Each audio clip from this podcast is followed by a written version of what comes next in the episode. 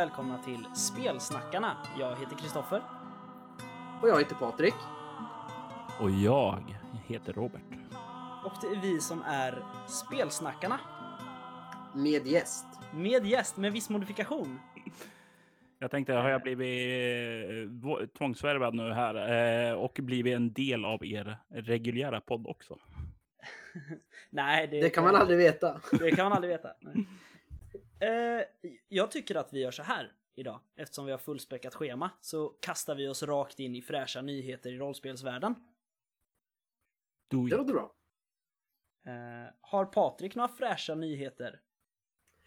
Eh, Snösaga och eh, Stormlands till Trudvang Chronicles har kommit hem till de som har backat det. Woohoo! Och förhandsbeställt. Ja, och förhandsbeställningen är nu stängd. Så om jag har förstått det rätt kan man nu inte få tag på Snösaga på något annat sätt. För den ska inte gå att köpa separat. Just det. Eh, varför, undrar man sig. Varför gör man en kampanj som ingen kan köpa? För att den går att köpa deras online-tjänst. Det kan man. För 99 kronor. Jättebilligt. Mm. Men eh, ja, jag har fått hem det. Jag har läst det. Jag är besviken. Eh, eh, Robert har ju hört när vi har pratat om Snösaga och vad det är jag inte gillar med Snösaga. Ja, eh, jag kan in, un, skriva under på det och jag har väl också en liten komplicerad ehm, relation till just Snösaga också. Då. Så det är en kampanj som har så mycket potential, men som jag skulle vilja sätta mig ner och verkligen gå igenom och bearbeta och få den dit den borde vara kvalitetsmässigt. Jag skrev ju 80 A4-sidor där jag skrev om kampanjen på när jag skulle spelleda den. Men nu var det inte det jag skulle prata om, utan det var just att de, vad jag har sett än så länge, jag läste ungefär halva den på engelska och lite parallelläst med den svenska. Och det enda är att de har tagit vissa grejer om, eh, om världen och historien som finns längst bak i den svenska och satt i början. Men det finns fortfarande ingen sån här äventyret i korthet. Först gör de det här, sen gör de det här. Det här är målet med hela kampanjen. Det finns inte. Eh, Den här fantastiska borgen Ysetyr i 38 våningar med världens karta.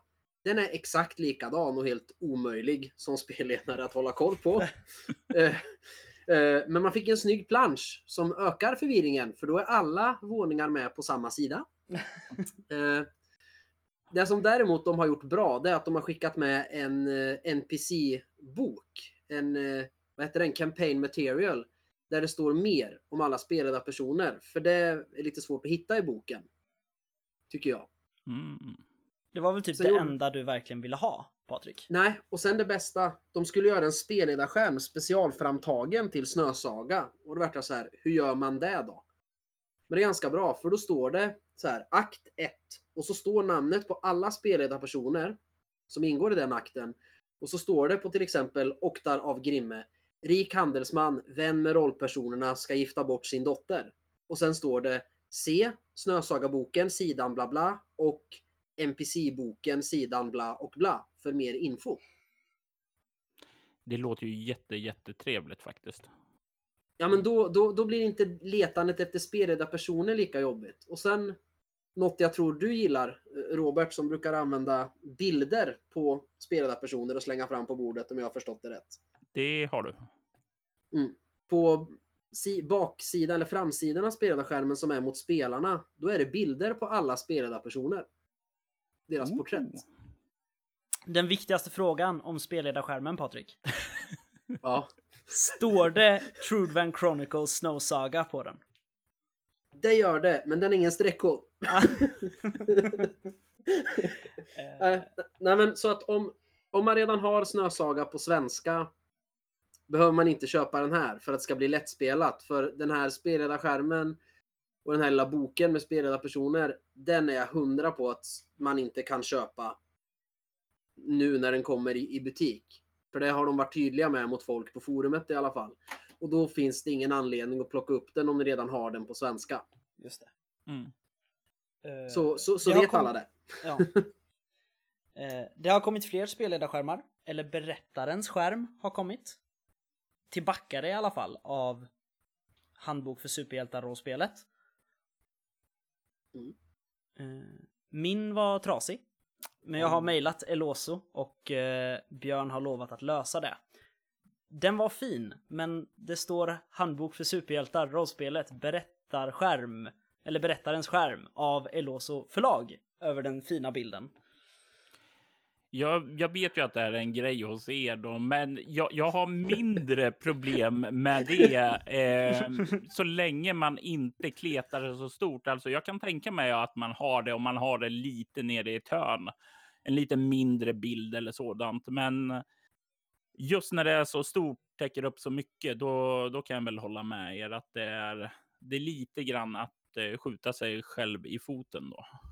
Ja, lite. Det är som, som eh, Wilhelm Persson, som vi har fått idén av ifrån början, säger att det är ju praktiskt om man äger typ 100 skärmar och spelarna glömmer bort vilket spel det är man kör. Ja. Men det, Jajamän. ja, den verkar användbar i alla fall. ja. Vad finns det mer för nyheter? Uh, Trudvine Legends, kickstarten börjar om två dagar. Ja, precis. Vi eh, lägger väl en uppdatering då, helt enkelt, när den kommer. Ja. Eh, har Robert några fräscha nyheter i rollspelsvärlden?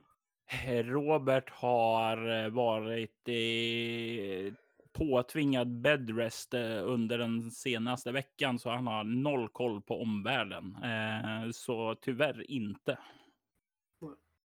Jag hoppades kunna säga att gå in och rösta på Ennis Awards, men röstningen har stängt idag så att eh, nu går det inte att rösta. Utan vi får vänta och se vilka som vinner. Just det. Eh, Jag har inte ens koll på vad alla kategorier är på Ennis.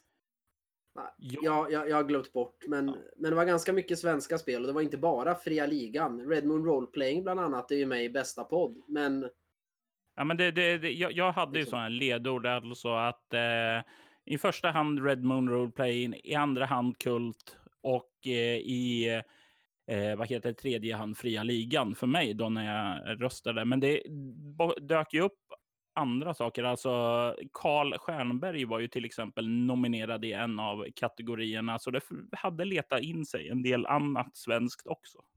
Ja, just det. jo. Ja, men det är roligt när det är lite olika, för fria ligan har ju varit nominerade sista åren med och faktiskt fått pris för i princip alla sina spel i någon kategori för varje spel. Mm. Och därför är det kul att se lite annat. Och att Red Moon är med är ju jätteroligt tycker jag. Absolut.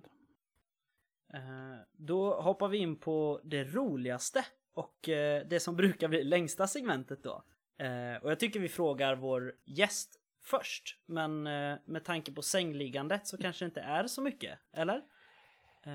Alltså om du har spelat någonting kul den senaste veckan. Jo, det har jag faktiskt gjort. Jag spelade eh, ur varselklotet i fredags. Jag spelade tillsammans med några vänner. Eh, våra vänner-maskinerna, alltså Mikael Bergströms scenario ur eh, den första kampanjboken. Då.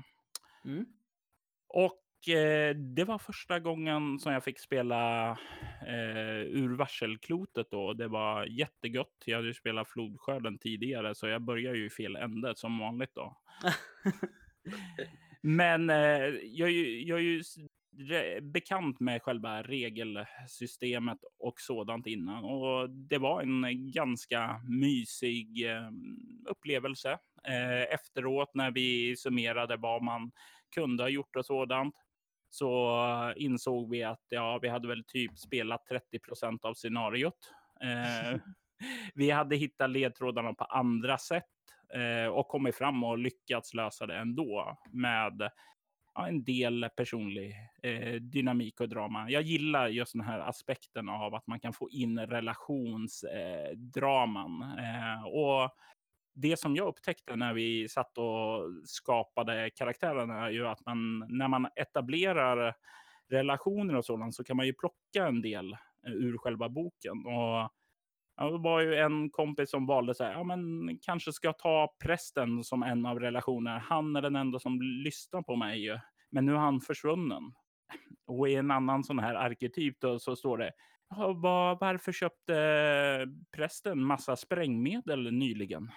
Och då så blev det så här jätteskoj, för eh, då såg man ju att det finns massa sådana här små relationer som spelledaren kan hooka upp och bygga in och använda.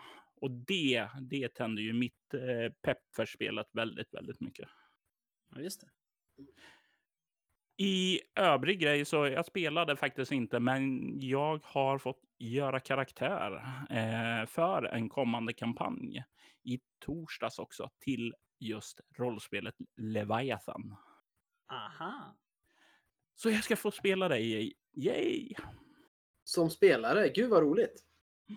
Ja, jag har ju faktiskt haft tur att jag har flera fantastiska spelgrupper som kan tänka sig och spelleda mina spel och eh, låta mig få känna glädjen att spela dem också. Ja, just det. Kul. Kul. Och det var väl ungefär det som jag har spelat under ja, min uh, Forced Bed Rest. Just det. Det var inte fy skammen då? Mm, det är mindre än vad jag brukar spela om vi säger så. Ja, just det. Det brukar synas på din Facebook att, du, att jag reagerar på det. För min fru frågade idag att jaha, men den här Robert, vet jag vem det är? Och så pratar vi lite. Och så, vidare. och så var jag tvungen att säga det till henne. Ja, men det är nog konstigt för att han har inte alls lagt upp lika mycket bilder på att han har suttit och spelat rollspel den här veckan som han brukar. Nej, precis. Det är varit bortkopplad från det mesta och inte gjort många uppdateringar där. Och så. Men förhoppningsvis så kommer jag att spamma alla flöden snart igen då. Det hoppas vi. Yes. Eh, Har Patrik fått spela något roligt den senaste veckan? Ehm, jag fick ju inte spela rollspel förra veckan. Som vi brukar eftersom det krockade med något annat. Ja, just det. Så det är tråkigt. Ehm, så jag har suttit och läst Snösaga här för att hitta, har de gjort det bättre eller inte? Ehm, och, men eh, jag har spelat eh, två scenarion eh, Arkham Horror The Card Game med mig själv. När, när mina barn bestämde sig för att lägga sig tidigt en dag. Njut medan du kan. Ja, precis. Och jag blev inte galen. Wow. Och det är fantastiskt bra att inte bli galen när man spelar med en spelare. För det, det är ett fel. Ska man spela det där spelet själv så måste man nästan spela två karaktärer. Mekaniken Mm. funkar inte riktigt med en karaktär. Man har för få actions och hinner inte göra det man ska, helt enkelt. Du spelar Eh. för regeltroget Patrik. Jag har aldrig blivit galen eller dött när jag spelade själv. Och jag spelar med en karaktär. Ja. Men jag gillar ju regler, det vet ju du. Ja, jag vet det. Jag är så Mikael Bergströms motpol. Det ska vara mycket regler, det ska vara tärningsslag för allt. Ja, jag har ju gått ifrån det. Men nej, sen har jag faktiskt inte spelat mer. Nej, synd. Vad har du spelat sen sist, Kristoffer? Ehm, jag har inte heller spelat så mycket, tyvärr. Um, vi eh, lyckades ju inte få till något Svärdets sång förra veckan, tyvärr. Vilket var jättesynd. Eh, men i lördags så spelade jag ett halvt scenario till Chronicles of Crime med eh, vår bror Mattias. Eh, vi var så trötta så att vi gick och tog en powernap istället och sen så fortsatte vi inte spela. Ja. Men vi, ehm, vi skapade istället karaktär till eh, en liten grej vi håller på med. Med flodskörden. Som... ehm, ja, det, det bubblar lite. Vi säger inget om det riktigt än. Dum, dum, dum. Precis. Precis. Hemliga projekt. Ja. Eh, sen har jag nog inte spelat. Jag har bara läst väldigt mycket rollspel den här veckan. Det får man göra ibland. Och det är inte fyskam. Så det, det... Ja, jag har spelat ett halvt scenario till ett brädspel. Tror jag. Och, och sen powernappat. Ja, jag tror inte jag har spelat något mer i alla fall. Ni, man får, som vanligt så är det bara skriva till mig att man är sur för att jag har glömt att vi har spelat. Och för mig känns det ganska skönt att du säger sådär, för annars brukar det vara "Ja, jag har spelat Svärdets sång en gång och så kommer du. Ja, jag först träffade min första spelgrupp, sen min andra, sen min tredje, sen min fjärde och så har du spelat massa brädspel också. Jo. Nej men det, det är sommaruppehåll nu. Mm. Eh, Vi har ju också vad vi har skrivit sen sist. Har du skrivit något spännande senaste veckan, Patrik? Eh, jag har suttit med introduktionsscenariot och lite grann första kapitlet i regelboken till Mörka Regimen och eh, inte korrekturläst men rättat upp Eh, stilen så att det vi har bestämt ska vara kursivt ska bli kursivt överallt och det som ska vara i fet text är i fet text så att det hänger ihop. Och så har jag börjat göra en, eh, en förteckning över de bilder vi har och vad jag tycker vi behöver beställa för fler bilder av vår illustratör Molly till eh, liksom, ja men på den här sidan, i det här kapitlet behövs följande illustrationer köpas in. Just det.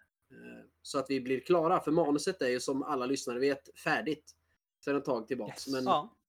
nu ska man ju rappa ihop det och det har vi pratat om du också för att eh, nu har man börjat skriva andra saker för att all den här kreativiteten man vill få ur sig och man får idéer. Bara, Ja, men en spin-off-kampanj och en expertregelbok och sen istället för att göra det där tråkiga och faktiskt göra klart och, och ge ut det här spelet. Det är ju mycket tråkigare. Men jag måste göra det. Nu är det då det hårda arbetet kommer, när man inte bara kan glida på inspirationen, utan det är verkligen det här, va? Ja, nu, nu måste det tråkiga göras. Ja, jag vet. Jag kommer fråga dig om lite tips om det sen. Robert, hur man gör. Yes. Eh, kan jag droppa hints och wisdom så gör jag gärna det. Eh, Du Det tar kan, vi tacksamt emot. Verkligen. Du kan ju få börja med att säga om du har skrivit någonting senaste veckan. Eh, väldigt, väldigt lite. Jag har mest redigerad podd, men eh, jag har faktiskt eh, skrivit lite grann till den avslutande delen i nästa Eh, nästa, vad ska man säga, eh, berättelse som kommer att publiceras i soloäventyret. Så jag Ah. sitter och skriver på klimaxet där. En liten berättelse som kallas för Trollblod eh, och utspelar sig i de mörka norrländska skogarna. Häftigt. Ja, jag hoppas ju att det ska tilltala dig lite mer som, eh, till skillnad från syndaslukaren som du droppade halvvägs, eh, Kristoffer. Ja, och sen så började jag ju som sagt lyssna igen. Eh, men så slutade jag en gång till. Av någon anledning. Men då var det verkligen så här, då lyssnade jag ganska länge på Leviathan. Jag lyssnade på kanske sex avsnitt Leviathan. Eh, och sen så dog det igen. Det bådar ju inte gott för resten av det här avsnittet sen då. Aj då. Nej. Jag ska bättra mig. Jag ska lyssna på hela, jag lovar. Ja. Eh, Och där dök det upp en nyhet vi glömde bort. Årets, eh, förra årets julkalender, Syndaslukaren, med, som gick som podcast. Det finns Mm. ju nyinspelningar med fler äventyr i soläventyret. Det kommer komma många fler äventyr. Där just nu så tror jag har eh, nu ska vi se, en, två, tre, fyra olika berättelser som jag håller på att spela in och redigera samtidigt. Oj. Så där har vi en nyhet som vi glömde bort i början av avsnittet. Det är ju en stor nyhet för Ja, verkligen. Sverige. Yes. Eh, trailer kommer snart för Trollblod också. Det är bara Det att ser vi fram emot. jajamensan, eh, följa bortom.nu så eh, kommer det att dyka upp en där. Ja, häftigt. Och Har du skrivit något, Kristoffer? Ja. Massor. Eh, jag tänkte så här, vore det inte jättetufft att skriva eh, en stad till hjältarnas tid? Och så eh, delar man liksom upp den i lite olika äventyr så att det blir fem äventyr och så för varje äventyr så får man en liten bit av staden. Eh, Ja, Li- så man upptäcker den as you go. Precis, lite som eh, Järnringen gjorde med Undergångens arvtagare-kampanjen och med Törnetronen nu till Symbarom. Och Eh. lite grann så som eh, det var i gamla Kronopia där de släppte eh, bok efter bok och stadsdel efter stadsdel också. Precis. Precis. Och jag har pratat med Hydra-gänget eftersom Hjältarnas tid i allra högsta grad är BRP. Mm. Och, och ganska KSR ändå. Så det kommer komma i Hydra. Eh, en liten krönika över staden Kopparbacka. Och där har jag skrivit på nu i veckan. Mm. Mm. Istället för att göra det där tråkiga arbetet och göra klart det rollspel du håller på med. Ja, nej men det är ju så jävla mycket med det va, så att jag, jag har lagt bort det en stund. Yes. Eh, Men nu har vi ju suttit här en stund och fått massa ledtrådar. Robert har spelat in en podd. Han pratar om att han har spelgrupper som spelar hans spel. Så om det är någon som inte känner igen Roberts röst eller greppar så fort man säger Robert så är det ju dags att presentera nu att Robert som sitter här som gäst, vem är du?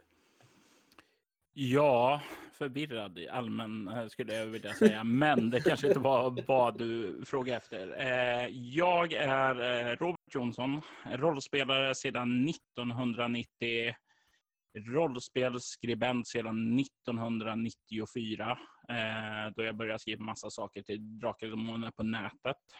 Jag skrev bland annat en kampanj som hette Det Solunska ödet som jag än idag får massa påstötningar och tack Eh, för, vilket känns helt sjukt när man tittar tillbaka på det, att det var, man skrev det så länge och folk ändå fortfarande minns det.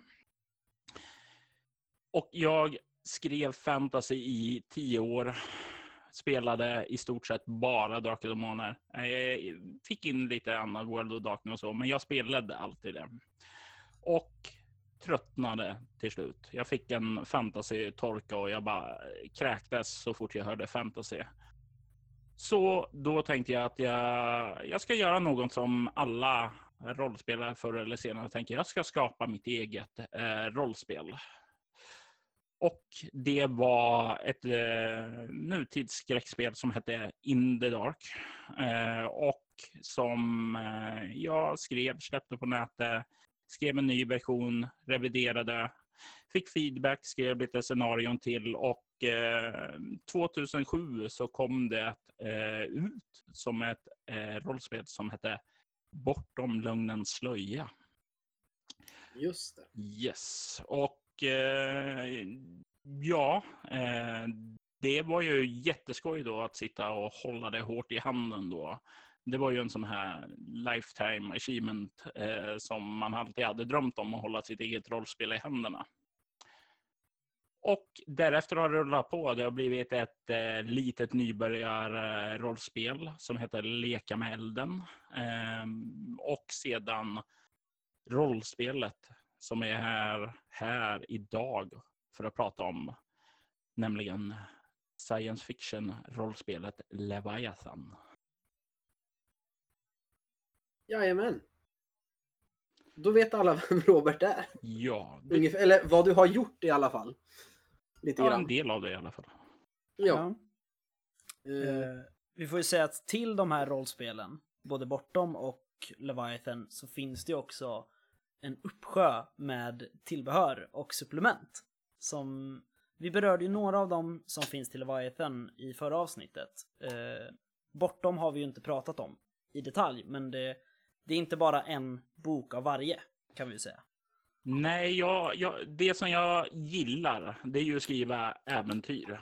Och Mm. eh, det är ju egentligen därför jag skriver rollspel och setting och sådant. Det är för att kunna göra häftiga scenarion. Och mm, då är det naturligt att det ploppar ut lite mer extra böcker till det. det märks när man läser Leviathans regelbok kan jag säga. Att du vill skriva berättelser. Då har jag gjort mitt arbete korrekt då. Ja. Det, det var ju min stora grej i förra avsnittet. Att eh, är det någonting Robert Jonsson är så är det intrigmakare och världsskapare. För det finns på varenda sida. Även när det är en hel sida med regler så känner man Här vill han fortfarande bygga sin berättelse. Eh, tycker jag. Jag, jag, jag tänker ju att eh, varje regel och sådant, visst det ska föra till någonting eh, för spelmomentet. Men jag vill ju också att det ska skapa en känsla, en eh, vilja att göra någonting med det. Alltså en liten eh, regel där. Ja, men visst, det kanske uppmuntrar till en annan liten typ av en, ja, en hook till en annan typ av spelande. Och jag vill, jag vill så gärna att det ska skapa de här bilderna i huvudet. Inspiration, berättelsefrö. Jag, jag känner bara att det är så många frågor som är obesvarade så jag måste ju skaffa varenda bok och läsa allt för jag vill ju se hur, hur det är tänkt, hur allting hänger ihop, Mm. varenda liten krok. Bara fundamentalisterna som har flytt till Golgata. Vad händer sen? Och hur startades det? Mm. Och vad händer när man åker därifrån och Gema vet att du har varit där? Det, det började snurra direkt i mitt huvud när jag bara läste det spelarmaterialet till, till det konceptet. Då var jag helt tokig och var tvungen att... Jag satt och skrev i ett anteckningsblock hur jag tror det skulle vara. Och det är där en sak som jag tycker då är viktig. För där, när du säger det där och att du har börjat fundera och du börjar skriva lite om det. Där har du ju en idéfrö till ett scenario som du skulle kunna spelleda för din egen eh, spelgrupp då. Att man får en liten hook, what if, eh, och sedan gå igång på den. Och eh, det är ju sånt jag själv också eh, strävar efter i rollspel. Jag tror det var ett litet tips som jag hörde i en, eh, jag tror det var i en podcast som heter Masterplan. Att eh, det var någon speldesign som intervju, speldesigner som intervjuades där som sa att försök att ha en liten hook eh, till spelarna, läsarna, spelledaren i varje stycke.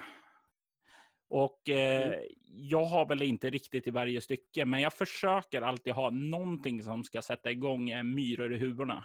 Eller myror i brallan kanske är analogierna, men eh, ni förstår vad jag menar. Ja, och det, Leviathan, grundboken, är ju full av sådana, eller berättelsefrön. Mm. Eh, som då antar är dina tankar som är, ja men tänk om det här skulle kunna hända. Och sen är det upp till spelledaren och spelarna att skapa de intrigerna kring spelbordet. Ja, i stort sett så ja. Eh, en del har jag ju tankar om själv, men jag, jag brukar ju alltid säga så här att man ska alltid gå lös på materialet i rollspelet och göra det till sitt eget och inte bara vänta på vad andra hittar på. Eh, så bara köra brukar jag säga. Just det. Eh, lite som, eh, jag har för mig Erik Granström sa något liknande när han var med i Vi spelar rollspel och prata. Att han har lämnat Trakorien nu och det är helt upp till berättarnas och spelarnas händer. Mm. Eh, Och jag tror det är det mest hälsosamma eh, sättet att förhålla sig till sin egen skapelse. Att låta andra göra vad man vill och inte sitta där och oroa. För då, då kommer du att eh, bryta samman. just det. Jag hajar till på en grej här eh, som Robert sa och som jag jag läste också att eh, Robert, du säger här, ja, Leviathan, det är mitt science fiction rollspel. Mm. Det jag känner när jag började läsa och hörde talas om det första gången. Då var jag så här, okej, det här är ett postapokalypsspel. Sen har jag nu läst så här och så bara, nej, jag tror det här är ett cyberpunk-rollspel. Eh, Mm. och, och man, hur man själv definierar saker på olika sätt fast man har läst precis samma text. Ja, eh, den här postapokalypsstämpeln som Leviathan har fått, det var ju inte ett medvetet drag från mig, eh, utan det var eh, andra som har satt den. Jag, jag väl... Jag är väl... Jag gillar Joss Whedon som skapare och han brukar ju blanda genre fritt fram alltså. Eh, ta Firefly till exempel. Det är en sci-fi och western. Ja, Och den här, det tänket, det tycker jag också om. Eh, just det att man ska inte vara så låst kring en genre, utan Leviathan brukar jag säga det är en verktygslåda av goodness. Eh, du kan spela cyberpunk-kampanj, du kan spela Alien nere i havet, du kan eh, spela ja, Deep Space Nine eh, nere i havet också. Alltså det, det, du kan spela ja, dokusåps liknande mardrömmar också. Eh, tror mig, det har jag gjort. Eh, och det är ju så mycket där, alltså vad man själv gillar för genre. Eh, jag brukar som sagt var säga att eh, det är ett science fiction rollspel, för det skapar en ganska, eh, ganska allmän förståelig bild ändå vad man är. Ett science fiction-spel under världen, under världen, det är ju inte riktigt rätt, men under havets yta. Men det tycker jag, det, det är en bra definition. Eller definition, men då förstår ju de flesta vad det handlar om. Även om sci-fi betyder många saker. Säger man sci-fi under havets yta, okej, okay, det finns häftigare teknologi än vi har idag. Vi borde ha någon mm. sorts rymdskepp fast under vattnet och vi lever i någon sorts eh, ISS rymdstation fast under vattnet för att kunna överleva i någon sorts moduluppbyggd ja, stad med, eh, med atmosfär i. Precis så. Eh, det sätter Kommer ju folk säkert tänka. Ja. Men gud att du skulle säga Josh Whedon och att du också gillar Josh Whedon. Nu vart jag helt så här hmm, kan man göra något med Buffy? Kan man ha en high school med esoteriska människor i Polaris? Det skulle du absolut kunna ha. Eh... Nu får jag griller i huvudet här. Eh... Ja, eller hur? ja, det var inte det vi skulle prata om. Att, att eh, jag är en sucker för Buffy the Vampire Slayer. Men du har inte fel när du säger det. Nej.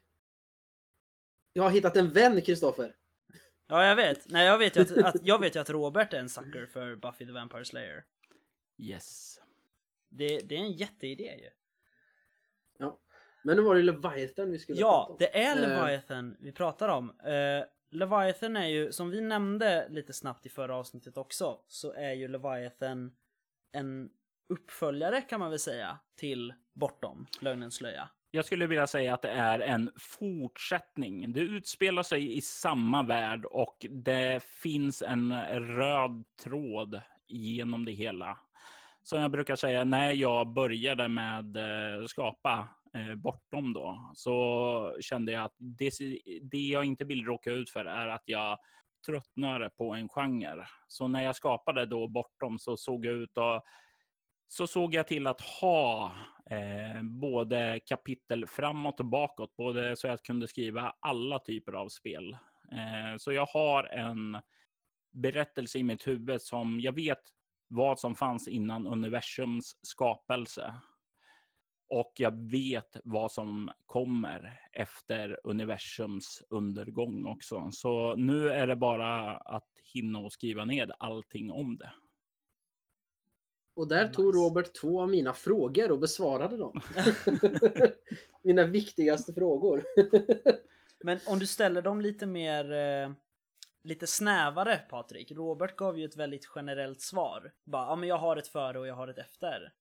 Jo, nej, men eh, min första fråga eh, som var tänkt var att just hur det hänger ihop och vad som kom först. Ah, om du satt där och liksom, hmm, jag ska skriva mitt science fiction rollspel. Men först skriver jag ett spel som heter Bortom, om hur det var innan.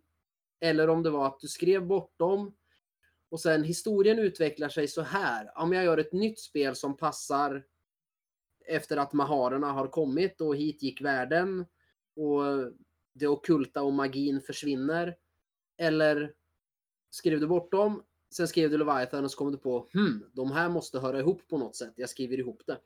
Nej, allting var vad heter det, uttänkt från början. Kanske inte alla detaljer och sådant, men jag visste att eh, när jag skrev bort dem att jag kommer att expandera framåt och tillbaka eh, i tiden om Leviathan.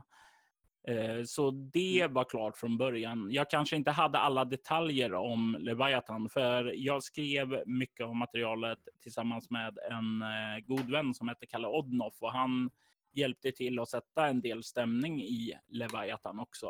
Och Så idéerna växer ju sig utifrån eh, pitchen, alltså det kommer vara i framtid under havet, vilket var ungefär det jag hade. Mm. Så det börjar ju som sagt var med bortom och sedan så expanderar det ut därifrån. Och varje kapitel berör olika saker i den övergripande berättelsen så att säga. Och det, det, är nu man märker att man måste läsa de här supplementen, alla berättelserna. För som jag då som har läst eh, regelboken till Bortom. Och så har jag läst grundboken till Leviathan. För mig är det ju två spel där reglerna för karaktärsspel är likadana. Och del av stämningen vad gäller skräck som finns i Bortom går att använda och återkommer till del i Leviathan. Men eftersom jag inte har läst berättelserna så får inte jag den här direkta kopplingen direkt. Men då har jag fått mm. svaret nu att det finns en sån koppling om jag läser mer. Och värt att säga också, när jag skrev Bortom så var det ju mitt första egna verk som jag mm, bossade över och gjorde sådär. Och min designfilosofi var ju annorlunda då än vad det är nu. Då var det mer att grundboken ska vara bara regler. Det ska inte vara så mycket världsstämning. Det ska kunna användas till alla möjliga typer av skräck. Och så designar jag inte spel idag och det är ju en sak som jag kommer ändra i bortom. Men det är också väl därför Leviathan är full med massa krokar och eh, stämningshooks. Just det. Men det, det, det tackar vi för. För det var en sån sak jag tänkte säga också, just att det är så tacksamt att Leviathan är skrivet. Det är inte en regelbok, utan det är just en, en Leviathan-bok. För att många spel gör ju det där idag, att man har regelbok och har man tur följer det med ett litet eh, kampanjhäfte. Eller så får man köpa kampanjboken sen när den kommer. Jag, jag gillar att det är ihopskrivet. Jag brukar säga att Leviathan är tre böcker i ett. Det är en regelbok, ja. det är en världsbok och det är en kampanj också. Ja. Jag tycker det är ett alldeles ypperligt sätt att skriva rollspelsböcker på. Faktiskt. Men, men, men bortom, eh, vad ska vi kalla det nu, version 2. Mm. Eller vad, vad har du för arbetsnamn? 2.0. Ja.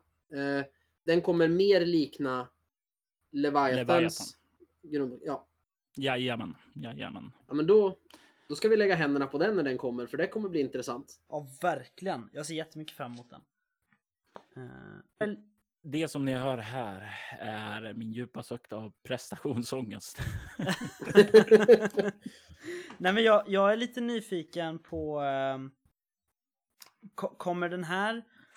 Nu kanske inte vi säga hur mycket som helst nu eftersom spelet inte är färdigt än, men kommer bortom 2.0 att på något sätt ha influerats av vad nu läsaren vet kommer ske i Leviathan eller kommer det vara helt åtskilt fram tills framtiden visar vad som händer?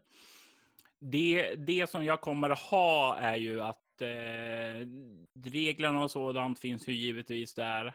Sedan så finns det lite saker som bygger upp emot eh, tystnaden där och tanken är också att inkludera alltså, kapitel om så här använder du boken och spelet om du vill skapa en resa till, en, till ett klimax som når tystnaden.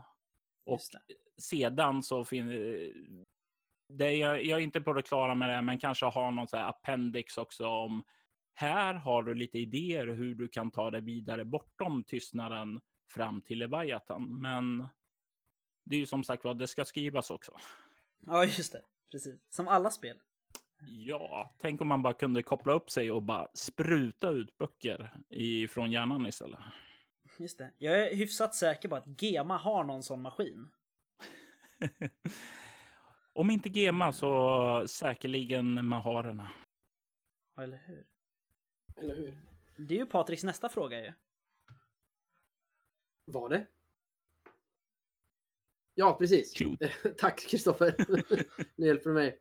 Eh, Maharerna vet man ju väldigt lite om. Eh, ja, om man bara har grundreglerna om det. Men har man svart svan så vet man rätt mycket om det. Ja, okej. Okay.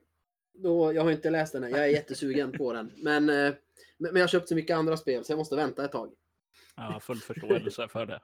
Eh, och eh, så det kanske min fråga faller också, för den var ju Vet du allting om Maharerna? Ja, det är, eller allt. Jag kommer säkert komma på fler saker som jag adderar till det som jag redan vet, men som jag då inte vet ännu. Men ja, jag vet varför de är här. Jag vet när de kom. Jag vet hur deras teknologi ser ut. Eh, Jag vet varför de startade krig och eh, spoiler, det kanske inte var deras fel. Eh, det, eh, allt det här finns då beskrivet i det Mahariska kriget som finns i Svartsvanboken. Wow. Jag måste köpa den. Ja, jag också. Jag måste. Eh, Eller jag det är så här. Vi, vi, eh, vi pratar ju väldigt ofta om att vi gör skamlös reklam, men nu när Robert är med, då får han bestämma om det är skamlös eller inte. Eh, jag har ju en fullpackad kundvagn hos Mylingspel som ju ger ut Leviathan. Och eh, alla böcker, konfliktkort och kartpaket går på 980 spänn. Det är ju så värt att köpa det. Som hittat. Ja, Så jag, jag vill uppmana alla att köpa det. Verkligen. Eh, för att eh, bara det, grundboken till Leviathan ger ju mer smak, tycker jag. Absolut. Ni hör det inte, men jag rodnar just nu. det är fint. Men jag har en fråga om Maharerna som du inte besvarade riktigt. Shoot. Vet du hur de ser ut? Ja, det finns till och med bilder på dem och ni kommer bli besvikna. Eh, De ser ut som vi. eh, då får jag säga, ni hör det inte, men jag beställer Svart Svan. ja. Eh, det, är ju, det är ju inte kul att få lön om man har kvar från förra lönen på kontot. nej, precis. Som det heter. Jag får inte Eh. lön, jag får ju föräldrapenning som är exakt lika mycket som jag har räkningar varje månad. Så. Till, till och med ett så bra pris är för mycket just nu. Tyvärr. Men det är Eh, kostsamma investeringar. Ja, verkligen. Det är de. Men de betalar förhoppningsvis av sig så småningom. Man får ju en spelgrupp om man har tillräckligt många. Exakt. Eh, Men jag hade ju en fråga där så ändå. Och det är ju. Det står på väldigt många platser i Leviathan att det, det här är inte ett vanligt rollspel. Eller om du har spelat rollspel förut så är det här inte riktigt likadant. Det är lite Mm. olika formuleringar, men det är ungefär essensen av det du försöker säga. Eh, Ja, jag är fullt medveten om vad du eh, menar och jag vet att du tog upp det lite i ert förra avsnitt också. Ja, och jag, jag, jag tror jag förstår hur du menar eh, med att det här basbygget är centralt. Man gör det först. Därifrån skapas berättelser. Mm. Eh, och den här dramamätaren som jag tycker är ett intressant verktyg. Eh, jag har inte provat den, den är intressant. Sen läser man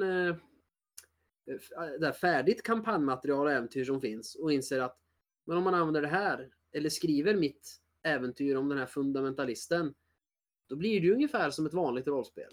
Så att tanken, hur, hur, du, hur du tänkte med just det här att det här är inte som ett vanligt rollspel. Vad fick dig att känna det när du skrev in de här rutorna i boken? Eh, det här är ju någonting vi ska skilja på hur man kan använda rollspelet. Precis. Alltså för du kan, du kan jätteenkelt använda det som ett vanligt tradd-rollspel och spela som en äventyrargrupp och eh, to be fair, alltså det har jag också gjort. Men själva pitchen för eh, grund, ja, grundreglerna då, det är ju här.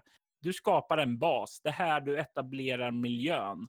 Det är här berättelsen kommer att eh, utspela sig och det är ni som eh, vad heter det, målar upp det.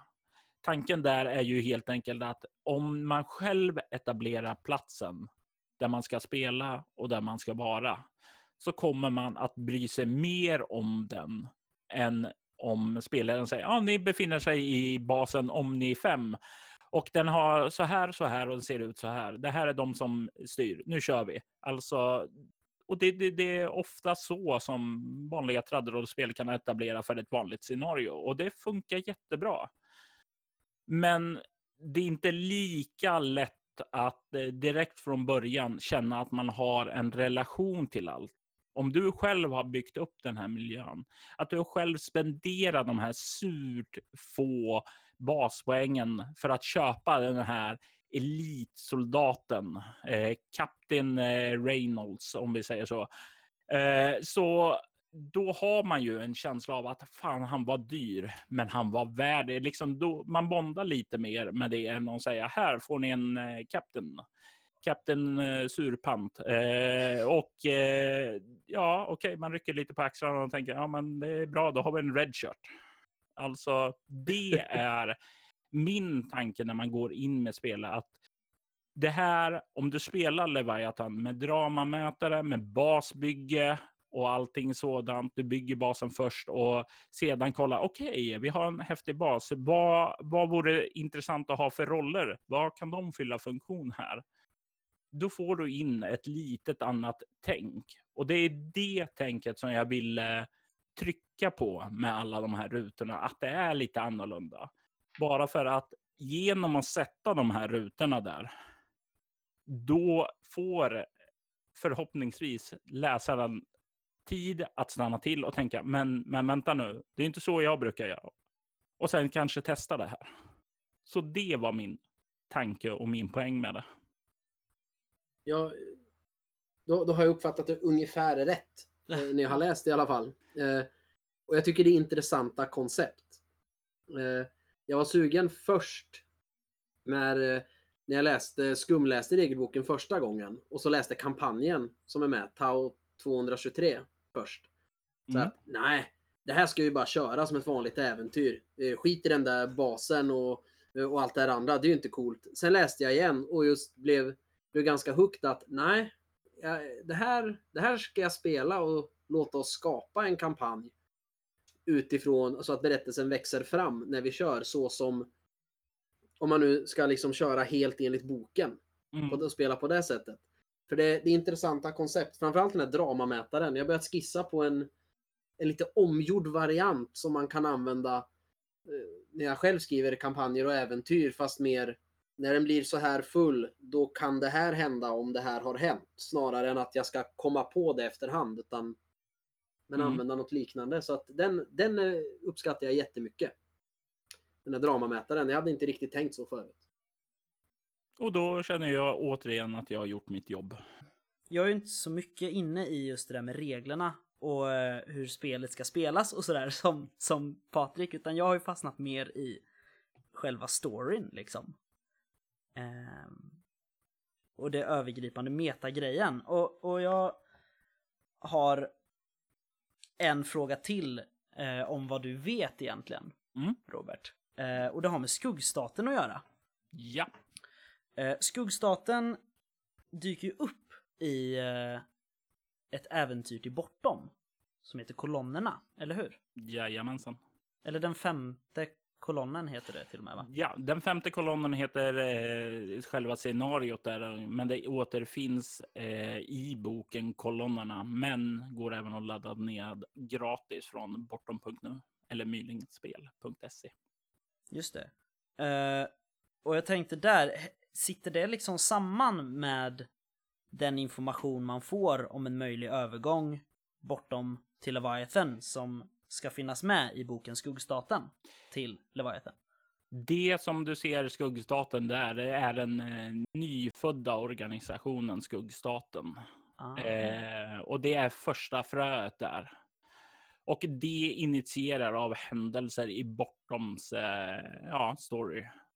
Och det sedan växer och till att bli det skuggstaten som dyker upp i boken Skuggstaten där Gema bildas och eh, skuggstaten stoppas. Eller? Just det. Av, eh, vad är det, de ikoniska hjältarna? Jajamensan. Just det. Ja men då så, då vet jag det. Jag tänkte, gud, jag känner mig jättehoppig. Mina frågor bara trillar Men det är så vi brukar överallt. spela in podd. Ja, eh, nej men jag blev så nyfiken när du nämnde det här av, av vad du tyckte kände var vikten med det här att man har en riktig relation till basen och till liksom de inköp man har gjort till sin bas Mm. och det där. Eh, känner du, nu har inte jag lyssnat på hela syndaslukaren med Leviathan, men av det jag hörde så är det ju inte alls så mycket basfokuserat. Nej, jag skulle säga det är en eh, mer en berättelse i Leviathans värld än en eh, vad heter det, Leviathan-berättelse. Ah. Wow, gud, det var ett jättebra svar. Eh, Shit, jag blir helt lyrisk när man får så bra svar. Och man verkligen fattar. Eh, eh, ja, Patrik, du har ju massor med frågor om Leviathan. Som du Ja, men Robert har, så, Robert har svarat på alla frågorna. Innan du hunnit ställa. Ja, precis. Jag trodde det skulle ta lång tid att, att, att förklara många av dem. Men eh, då kan vi ta det här med tystnaden, för det har jag också funderat på. Mm. Eh, Vad för det, det som är, ja, det som är en av de häftigaste grejerna i Bortom, eh, Lögnens slöja. Och även när man har hört dig eh, på Vi spelar rollspel prata om Bortom 2.0. Att det är mer eh, de här olika, mm, vad heter det, arketyperna eller de, de vägar man kan gå. Mm, resorna Om man som är, kallar eh. Precis, om man är esoteriker eller någon psykonaut. Oneironaut, psykonaut eller avatar. Precis. Och så är det fokus på det och så har jag läst lite konventsäventyr du har gjort och jag fastnar ju jättemycket för det här med det ockulta och vad man kan göra för häftiga saker. Så börjar man läsa Mm. om maharerna som kan göra häftiga saker och ni, sen inser man men i själva grunden när jag kastas in här i Leviathan då har allt det här försvunnit och, och slutat och sen när man läser lite mer så här kampanjmaterial så ser man, eller berättelser att aha, det börjar sakta komma tillbaks här och var. Eh, Yes. upplever jag. Mm. Va- Var det någonting i Bortoms metaplott från början att nej, först så har vi övernaturliga och häftiga grejer och sen försvinner det och så kanske det kommer tillbaks. Eller har det växt fram med berättelsen för att göra det mer spännande eller för att visa på vissa saker? Det växte inte fram. Det har ingenting med Leviathan att göra, utan det har just med berättelsen eh, som beskrivs i kolonnerna. Det var där som Ja. det trillade upp och det var ungefär samtidigt som jag eh, satt och eh, filade på hur mänskligheten skapades i Bortoms värld. Då. Och det var därifrån själva idéerna till kolonnerna som orsakar tystnaden kom upp. Och eh, när jag sedan kom till Leviathan då så kände jag att okej, det här måste beröras och ta in och då fick jag ta upp den tråden igen och börja arbeta på den. Så det var så det hela skapades och hur jag tacklade sedan in till Leviathan. För jag vill ha den här skräcken och sådant med i det.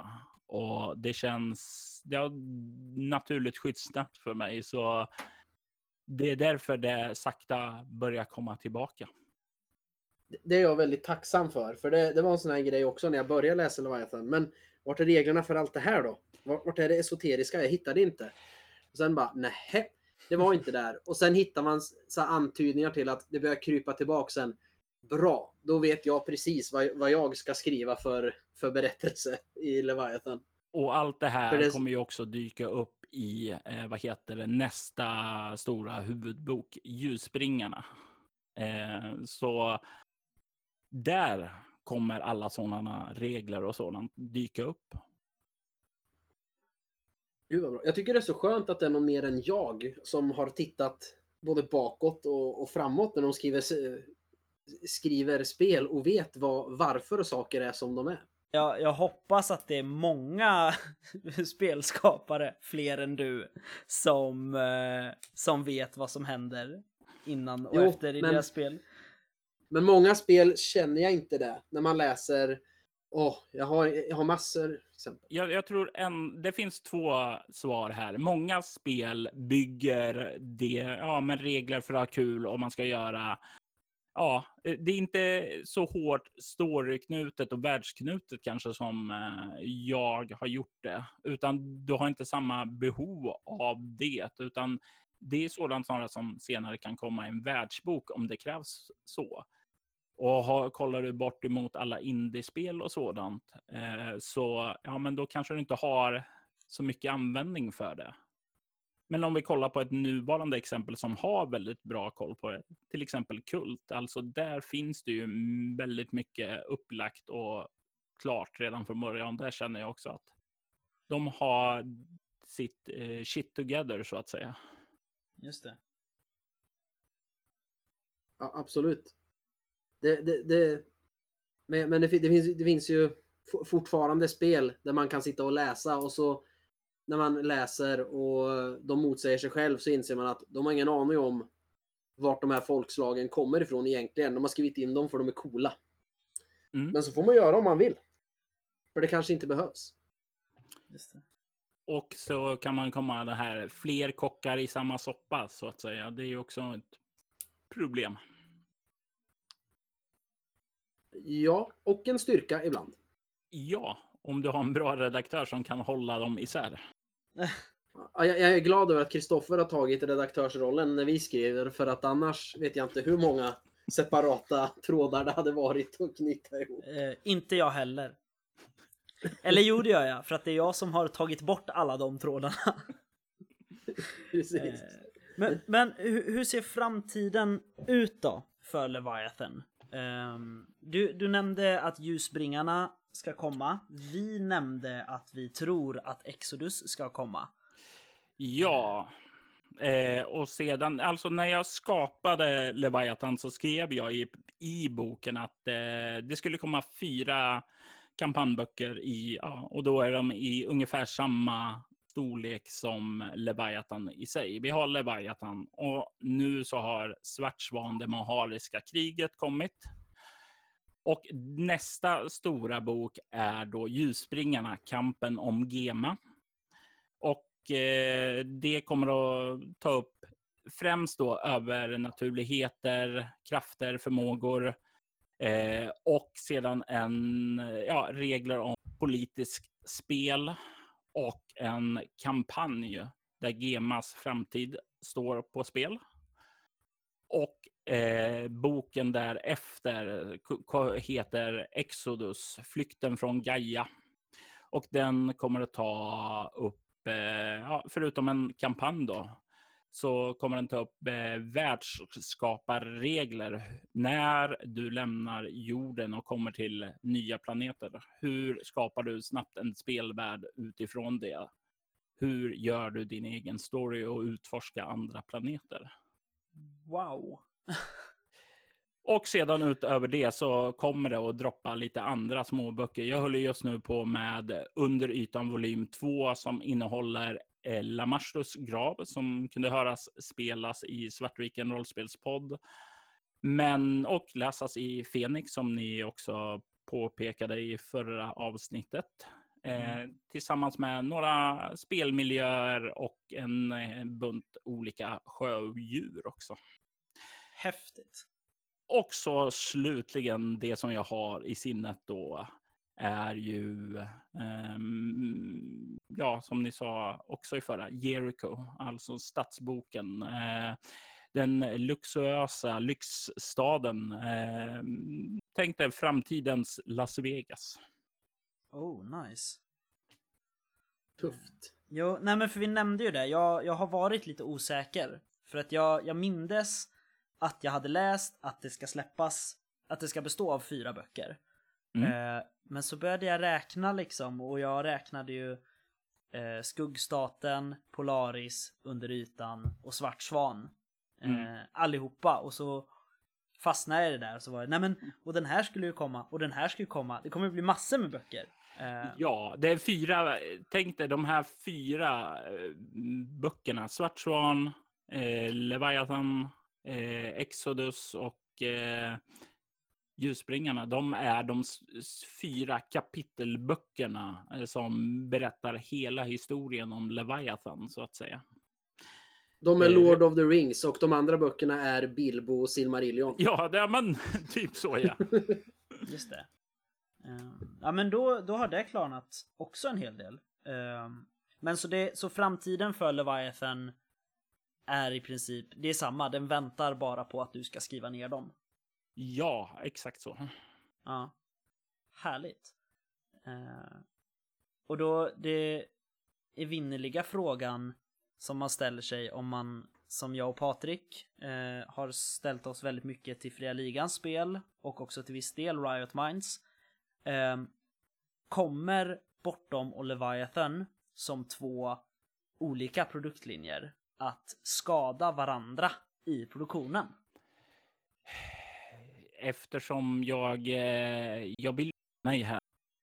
Bättre än att säga nej här. Eftersom det är jag som skriver eh, mestadels allt själv. Tack och lov inte allt. Jag har en bekant som heter Jonas Karlsson som sitter och skriver för glödande Ja, glödande penna är ju fel ord för det är ju tangentbord och glödande tangentbord känns ju mest livsfarligt. Men skriver för fullt på Jericho nu i alla fall så känns det som om att det är skönt att få lite, lite avlastning helt enkelt. Så ja, tyvärr eftersom jag inte är ett företag utan jag är en egen person som dessutom gör massa sidoprojekt som eh, soloäventyret eh, och eh, andra grejer. Så ja, det, tyvärr skadar ju varandra. Men samtidigt är jag en sån person att om inte jag hoppar mellan olika projekt, då tröttnar jag på dem. Eh, och det är ju det sista jag vill göra. Så genom att ha flera olika produktlinjer så hjälper det mig att eh, hålla peppen på dem alla. Där hör du Patrik, Robert och jag är precis likadana.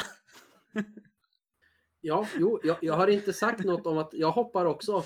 Det är bara att jag har sagt att man måste ta tag i det där tråkiga och göra klart någon gång också. Där håller jag också med Patrik. Ja, förstås.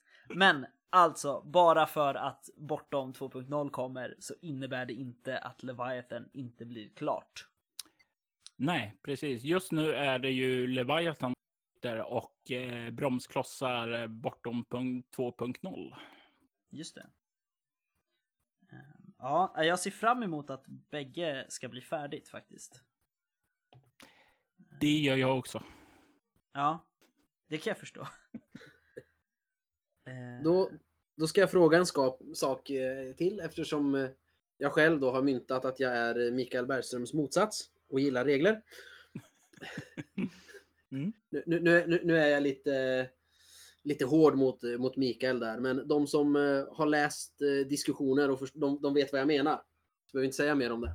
Eh, men du hade, du hade reglerna för karaktärsspel i Bortom. Mm. Sen gjorde du Leviathan som använder samma regelmotor i grund. Ja. Det, det är ju samma regler. Är det för att det passar så himla bra i Leviathan och du bara gud vad bra. Eller var det det här har jag och det är samma värld och det ska hänga ihop. Eh, Eller tänkte du någonsin på att göra nya regler till Leviathan för just karaktärsspelet? Eller mm, nej, jag tänkte aldrig göra nya regler. Regler är tråkigt tycker jag i grunden. Eh, så jag vill ha regler som mest fungerar som stöd för att ge det som behövs för att driva en story framåt. Eh, när jag kom och skapade Leviathan så hade jag kommit lite annat i fokus och tänkte ja, men det kan vara lite kul med ja, om man vill eh, tweaka och ha lite mer taktiskt. Ja, då kan det väl vara kul, men det ska vara frivilligt och det var så konfliktreglerna i Leviathan kom upp. Och eh, sedan så tycker jag att eh, regler innan man spelar, det får gärna vara lite tyngre där. Eh, till exempel vid karaktärsskapandet. Just eftersom då måste man inte ha det i huvudet under själva spelmötet. Eh, så när jag satte mig med Leviathans regler så var det främst karaktärsskapande som fick en ganska stor om, eh, ja, en ansiktslyftning. Och eh, det var även en del tweakningar i själva grundreglerna också. Mer streamlinat helt enkelt. Och när Bortom 2.0 kommer, då kommer det vara i stort sett exakt samma regelkärna som i Leviathan.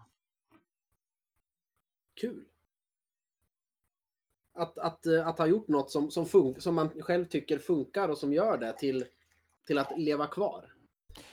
Ja, exakt. Och särskilt när eh, då bortom vissa av de här resorna gör att man kan leva under längre ja, tidsperioder. Så är det ju, då vill man när en karaktär krossar över för en, eh, från ett rollspel till det andra, att det ska vara kompatibelt utan att du krånglar och har dig med det.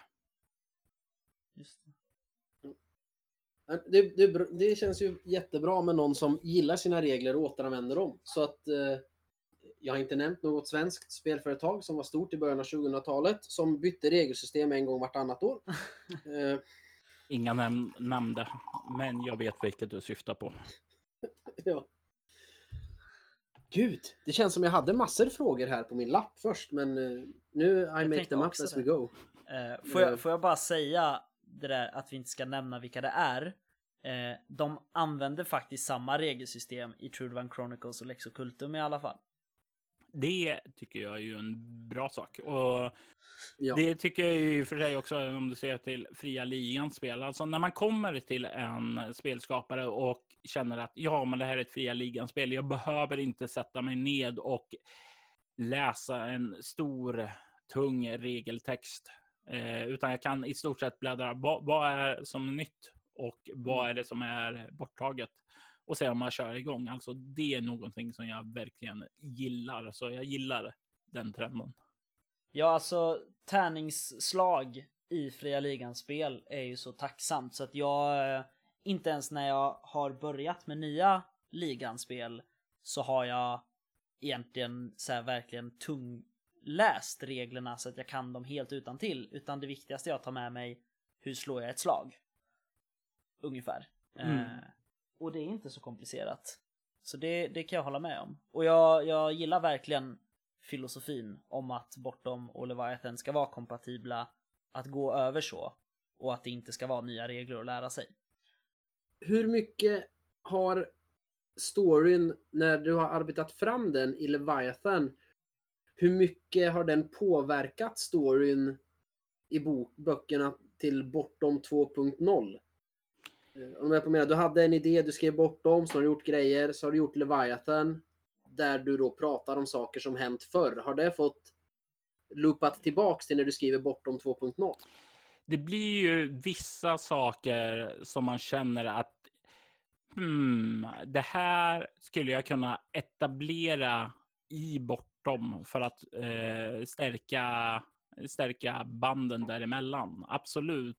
Eftersom när jag skapade Leviathan så har jag ju inte alla bitar i pusslet klart, utan det blir som här, jag har de eh, stora översiktliga dragen där som eh, är ganska klara i mitt huvud. Men sen när man går ner på detaljnivåer och allting så kommer det alltid dyka upp en person eller en organisation som man tänker, hmm, men det här skulle ju passa att plantera in i det här, eh, i bortom då. Och eftersom jag bollar projekt mellan varandra eh, hela tiden, Leviathan och bortom, så då är det naturligt då att de färgar av sig på varandra. Så på, för att svara kort på din fråga, ja. Du, du, det måste vara väldigt tacksamt på så sätt att skriva två spel, separata spel, men i samma värld och samma, man säga, samma tidslinje, eller en tidslinje som löper just för att kunna ta saker fram och tillbaka och uppgradera efterhand när man skriver nytt. Ja, och det är ju inte bara till två spel, utan det är ju just nu eh, så är det till fyra spel. Två som inte är släppta heller, eller ens påbörjade. Men jag planterar ju saker till de rollspelen som jag vet kommer att komma efter Leviathan är klar. Det ska bli spännande någon gång i framtiden. Ja, Och se verkligen. vad det blir. Se vad det blir för något. Om det är framåt eller bakåt eller i mitten. Ett är framåt och ett är bakåt. Oh. Gud vad bra. För jag, jag har suttit, jag måste ta den. Eh, första gången jag hörde någonting om, om Robert Jonsson. Eh, det var i Vi spelar rollspel när de spelade Det illyriska blodet. Mm. Eh, med dig som spelledare Robert. Yes. Och, då, och, då blev, och, och sen när det var slut så bara, men hallå, hur börjar allt det här? Va, varför är det så här? Och jag har letat hela internet och, och så här bara, jag vill ha allt. Jag vill ha 10 000 sidor om hela bakgrunden till den här Kurstim och varför hennes blod är speciellt och varför de äter detta konstiga bröd. Jag måste få veta. Så jag har börjat skriva själv här, ett litet dokument där jag förklarar för mig själv hur jag har bestämt hur det hänger ihop. För att jag var tvungen att veta hur det var. Jag gillar det ändå att man, eh, att man tar det där när man själv inte får svaren, så man kommer på dem själv och bara för att få en eh, closure på det. Alltså, I like it. Så om du inte vet vad du ska skriva sen när du är klar med allting, då kan du skriva det så att jag får veta.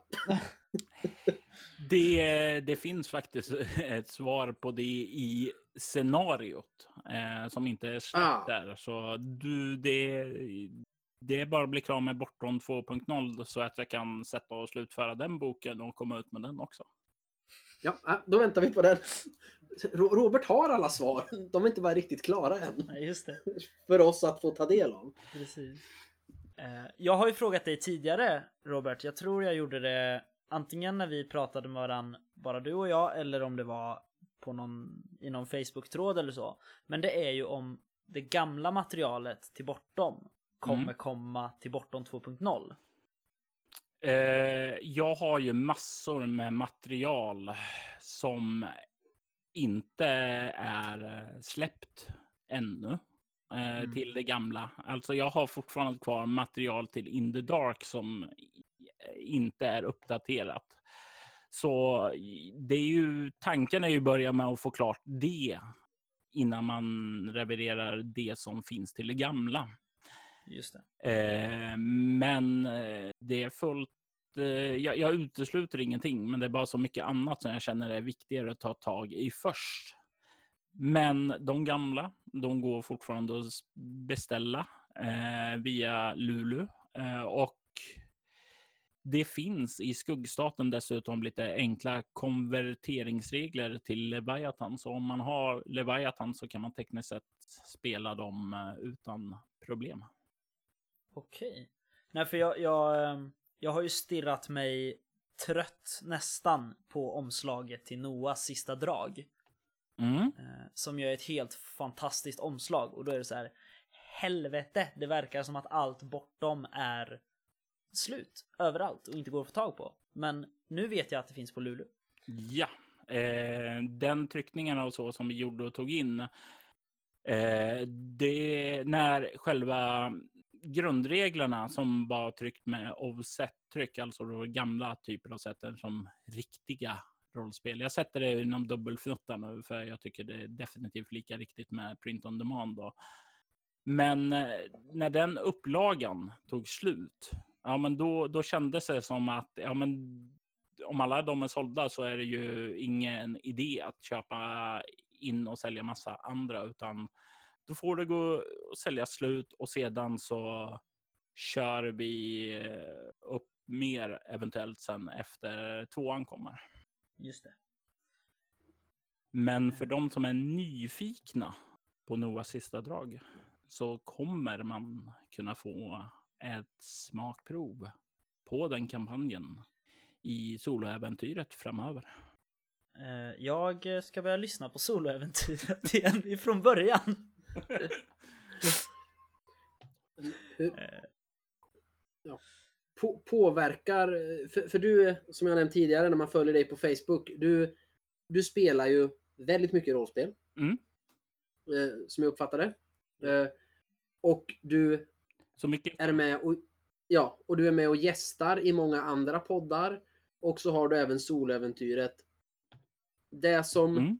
händer i de berättelserna. För du har ju till exempel du har ju karaktärer som har återkommit i kampanjer du Mm. spelat eller äventyr du spelat till exempel då med Vi spelar rollspel och så har de kommit tillbaka i eh, soläventyret. Påverkar det berättelsen du skriver ner sen? Deras val och hur de löser problemen? Absolut. Eh, jag, jag säger så här att eh, alla de poddar som jag medverkar i och spelleder, eh, de ser jag som en del av den officiella storyn. Alltså att det är så som jag ser den officiella storyn. Så om någonting händer där, ja men då kommer ju att det, eh, om vi säger en karaktär dör i en berättelse där, ja men då kan jag inte ha med den i en kommande bok där den jag skulle vilja ha den. Och det har bitit mig i stjärten här och där att eh, saker har hänt i podden som inte jag riktigt hade tänkt. Men det tycker jag också är en av det som är utmaningen att skriva och det som gör världen mer levande också. Just det. Mm. Det var ju ändå en av de saker jag reagerade och uppskattade mest i det jag har hört av soloäventyret. Eh, det var att det, det avsnitt som eh, Moa Frithiofsson var med i från Svartviken rollspelspodd. Mm. Att det började med eh, vad som hade hänt när Svartviken spelade Lamashtus grav till Leviathan.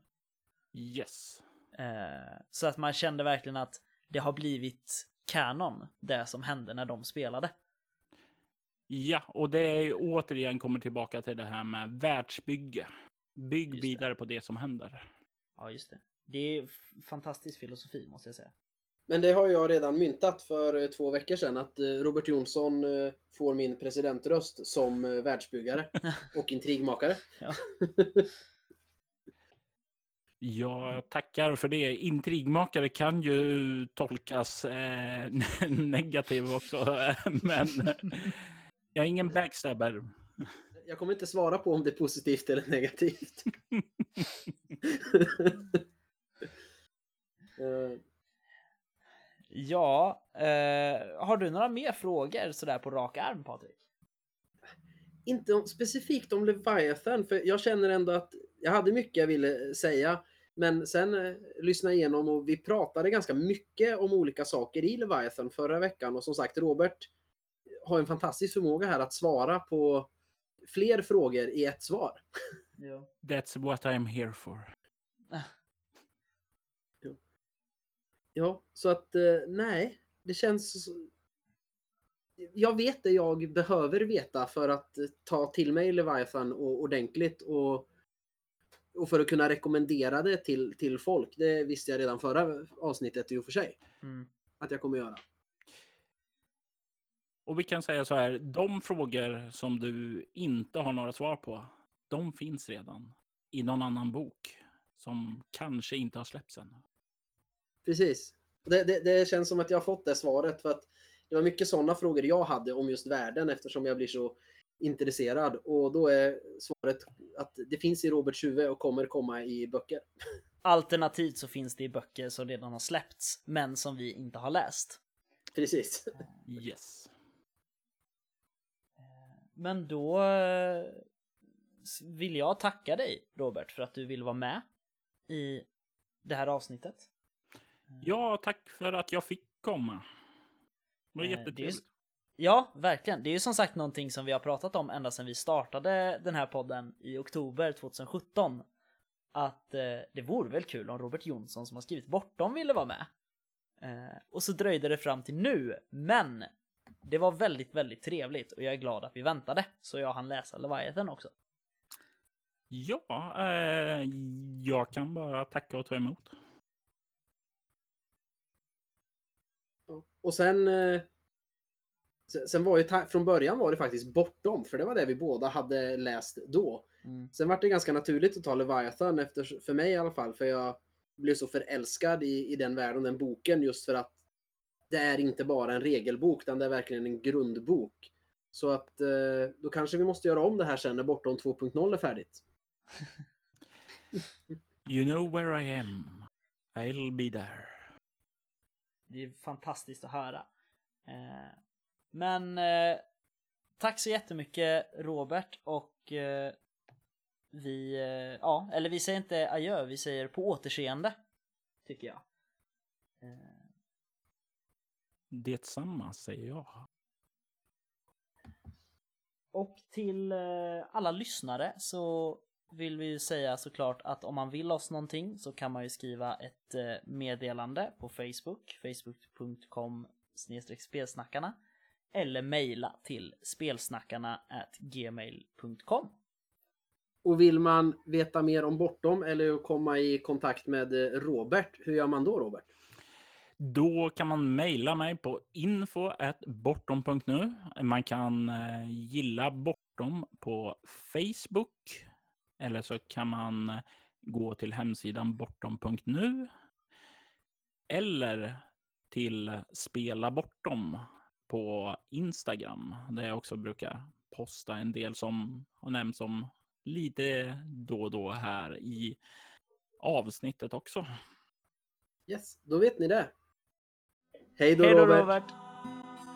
Ha det Hej Kristoffer. Hej då Patrik!